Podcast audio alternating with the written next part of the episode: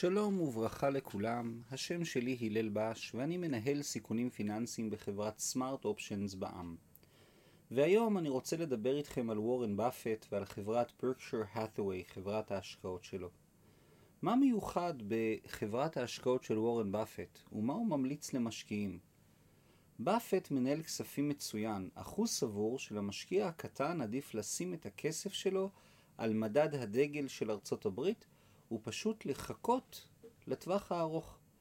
מהן ההמלצות של הנביא מאומהה לכלל המשקיעים בשוק ההון, וממה הוא חושש במיוחד?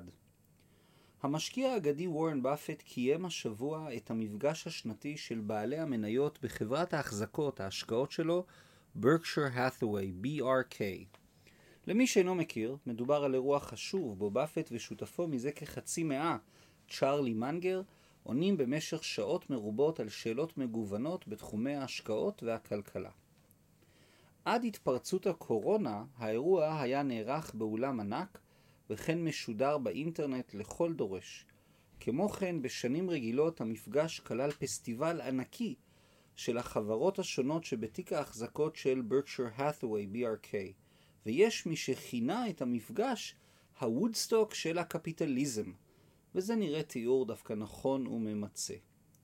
השנה בצל מגפת הקורונה המפגש נערך באופן וירטואלי, אך למרות הריחוק החברתי והיעדר הפסטיבל החגיגי, וורן באפט נתן כמה תובנות מעניינות אודות הכלכלה האמריקאית והעולמית.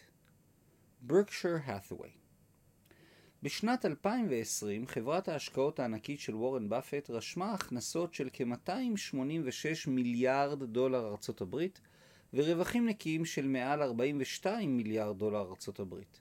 סך הנכסים של החברה, כולל חברות מוחזקות, עמד על כ-874 מיליארד דולר. מדובר על תאגיד ציבורי ענק, הכולל מגוון רחב של השקעות מהותיות בחברות מוכרות כמו אפל, אמריקן אקספרס, קוקה קולה וכו'. לצד ההשקעות ההוניות, ברקשר מחזיקה באופן מלא במיזמים עסקיים מוצלחים כמו חברת הביטוח גייקו, חברת הסוללות דורסל, חברת ההלבשה Fruit of the Loom וכולי וכולי. ניהול עצמאי למרות ההיקף העצום של החברות המוחזקות, מבנה הניהול של ברקשר הינו מאוד רזה. תאגיד ההשקעות חולש על כ-360 אלף עובדים במגוון רחב של ענפים וחברות שונות. אולם עובדי המטה של באפט, המנהלים את התאגיד הענק, מלמעלה הינם פחות מ-30 בסך הכל. 30 עובדים. ברקשר מתגאה בסגנון ניהולי מאוד מופשט ומאוד ישיר. כל מנהל של חברה שנמצא בתיק ההשקעות וההחזקות של ברקשר הינו עצמאי ואחראי בלעדית על המיזם העסקי שלו. לכל מנהל יש את כל המשאבים הנדרשים להצלחה, אבל בסוף היום, בתום תקופה מסוימת, ברקשר תבוא ותוודא שהעסק מתפתח, צומח ורווחי. באפט משתדל מאוד שלא להתערב בהחלטות הניהוליות של החברות השונות, ובאותם מקרים חריגים שבהם הוא מזהה איזושהי בעיה, הוא לרוב מבצע החלפה של המנהלים הבכירים.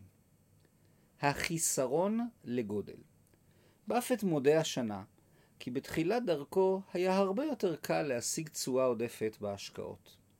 כיום, בגלל ההיקף העצום של ברקשר, היא מתקשה למצוא מקורות רווח שמתאימים לגודלה ולהיקף נכסיה. החיסרון לגודל מורגש. קשה למצוא השקעות בהיקפים של מיליארדים שנותנים את התשואות הנדרשות והרצויות למשקיעים. זו אחת הסיבות שבשנים האחרונות ברקשר קונה יותר ויותר חברות בענפי הרכבת, הנדל"ן והאנרגיה. השקעות אלו, למרות שולי הרווח היחסית נמוכים, מאפשרים לחברה להשקיע את הונה העצום בנכסים שהם מניבים. בגלל היקף ההשקעות הגדול בתחומי הנדל"ן והתשתיות, תוכנית הפיתוח הצפויה של הנשיא ביידן עם מעל שני טריליון דולר ממצב את ברקשר האת'ווי במיקום מאוד, לא, מאוד נוח. כן, ממצב את ברקשר האת'ווי במיקום מאוד נוח להרוויח מההשקעות הממשלתיות הצפויות. למרות זאת, ברקשר יושבת כיום על הר של מזומנים, בהיקף של כ-145 מיליארד דולר ארצות הברית, ומאוד מתקשה למצוא הזדמנויות רכישה ממשיות. מלחמות הירושה לצד החדשות הטובות והזדמנויות המבורכות, ראוי להתייחס לפיל שבחדר. וורן באפט בן 90 וצ'ארלי מנגר בן 97, והם אינם צעירים במיוחד. הם בנו את ברקשר האת'ווי בעשר אצבעותיהם, ומנהלים אותה ביד רמה. החשש בשוק ההון הוא שביום שהם יעזבו את ברקשר, מחיר המניה יצנח. על מנת להתמודד עם החששות של המשקיעים, באפט ומנגר החליטו להודיע באופן פומבי על מחליפם העתידי. היורש המיועד, גרג אבל, משמש היום כסגן יושב ראש התאגיד והוא הוצג לציבור, והוא משתתף באופן פעיל במפגשים האחרונים עם בעלי המניות. לגרג יש אתגר גדול במיוחד. הוא צריך לשכנע את המשקיעים שהוא מסוגל להיכנס לנעליים המאוד גדולות של באפט ומנגר. בינתיים הדעות קצת חלוקות, והחששות מהיום שאחרי באפט רק הולכות ומתגברות. אקטיבי מול פסיבי. למרות היותו משקיע אגדי בעל יכולות יוצאות דופן להשקיע כספים ולזהות הזדמנויות בשוק ההון, באפט ממליץ לכל משקיעי העולם לשים את כספם בקרן סל פסיבי על מדד מניות אמריקאי מרכזי ורחב עם עמלות נמוכות. הנושא הזה גם עלה השנה באספת בעלי המניות של ברקשר וזכה להתייחסות נרחבת מצד באפט, שהצהיר כי הוא אפילו ממליץ ליורשיו להשקיע את כל חסכונותיהם במדד שוק מרכזי כמו S&P 500, 500 החברות בעלות השווי שוק הגדול ביותר בארצות הברית. זה קצת אירוני כי באפט בעצמו הצליח מעל ומעבר דווקא כמשקיע אקטיבי, בבחינה מעמיקה של השקעות שונות וזיהוי המוצלחים והטובים ביותר על פני הגרועים והנחשלים. ההימור של וורן באפט על מנת להוכיח את עמדתו שהשקעות פסיביות עדיפות על אקטיביות, באפט ביצע בעבר ניסוי פומבי ענק. בתחילת שנת 2008, ממש לפני תחילת משבר הסאב פריים, באפט הימר מיליון דולר מכספו הפרטי. ההימור היה במבנה הבא באפט ישקיע מיליון דולר בקרן סל ב-ETF זולה ופשוטה, שמחקה את מדד השוק S&P 500 לעשר שנים. במקביל, משקיע אקטיבי כלשהו ישקיע מיליון דולר משלו בכל השקעה אקטיבית שיראה לנכון באותה תקופה. בתום עשר שנים נבדוק כמה כסף נצבר נטו בניכוי העמלות המקובלות בכל סוג השקעה. ומי שצבר הכי הרבה כסף יקבל את כל הקופה. קרן הגידור היוקרתית קרן פרוטוג'ה מניו יורק לקחה על עצמה את ההימור, הוציאה מיליון דולר מכספה ויצאה לדרך. ההתחלה הייתה קצת מדאיגה כי היה משבר פיננסי וההשקעות עברו דרך חתחתים עם עליות וירידות וזה די צפוי.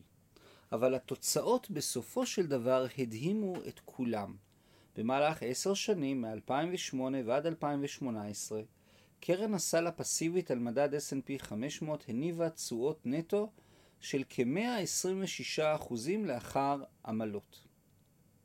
לעומתה, התשואה נטו של קרן פורטוג'ה על אותה תקופה בדיוק עמדה לאחר העמלות על כ-36% בלבד.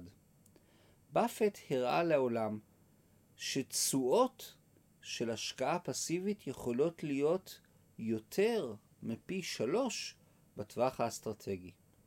כדרכו של באפט, שכבר התחייב למסור 99% מכל הכסף שלו לצדקה, כל כספי ההימור שנצברו נתרמו לארגון חסד. אינפלציה אולי האזהרה החמורה ביותר של באפט הינה החשש הממשי שלו מהתפרצות אינפלציונית בארצות הברית. השילוב של יציאה מהירה ממשבר הקורונה, צמיחה גואה, מדיניות מרחיבה של הבנק המרכזי, ריבית נמוכה, ושל הממשל, תוכניות סיוע והשקעות נרחבות, עלול ליצור תנאים של כלכלה רותחת ועליות מחירים ממשיות. כבר כיום ניתן לזהות מגמה ממשית של עלייה במחירי הסחורות וחומרי הגלם השונים. כמו כן, בחינה שנתוני הצריכה מראים כי הציבור האמריקאי, בדומה לישראלי, נמצא במצב בו הוא רוכש הרבה יותר מהרגיל והוא הרבה פחות רגיש לפערי המחירים. עלייה ממשית באינפלציה הינה חשש ממשי שיש לה השפעות מהותיות על שוק ההון. השם שלי הלל בש. אני מאוד מודה לכם על ההקשבה ומקווה לראותכם בפרק הבא. תודה רבה והמשך יום מוצלח. להתראות.